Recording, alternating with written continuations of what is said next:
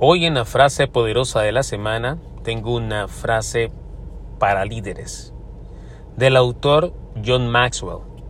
Y dice, sí, los líderes se convierten en grandes líderes, no por su poder, sino por su habilidad de empoderar a otros.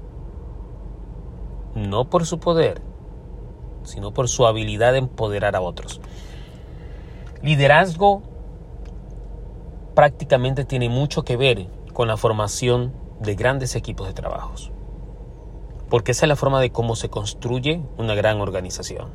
Recuerden que una organización con recursos, con capital, sin su recurso más importante que es la gente, ninguna organización existiese.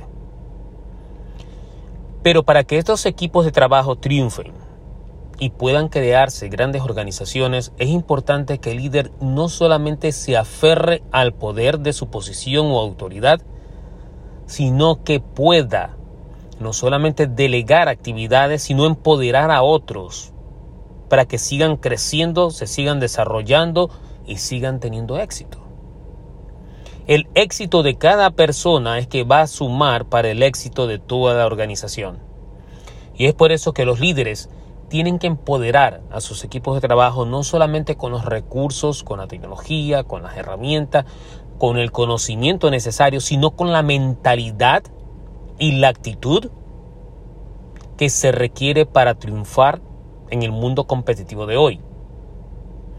Además, los líderes tienen que crear un ambiente de trabajo que fomente el empoderamiento a otros, que fomente el crecimiento de sus equipos de trabajo, y que fomente el éxito personal y profesional de cada una de esas personas que forman parte de la organización.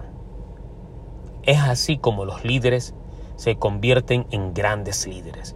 Es así como líderes ordinarios se convierten en extraordinarios. Así que pon en práctica las mejores técnicas de liderazgo, las mejores estrategias de liderazgo, no solamente para convertirte en un gran líder, empoderando a otros, sino que puedas crear grandes organizaciones a través de la formación de grandes equipos de trabajo. Recuerda, aumenta, empodera la mentalidad de otros, la actitud de otros, empodéralos con conocimiento, con técnicas, tecnologías, empodéralos con una buena actitud y empodéralos con una gran capacidad de triunfar.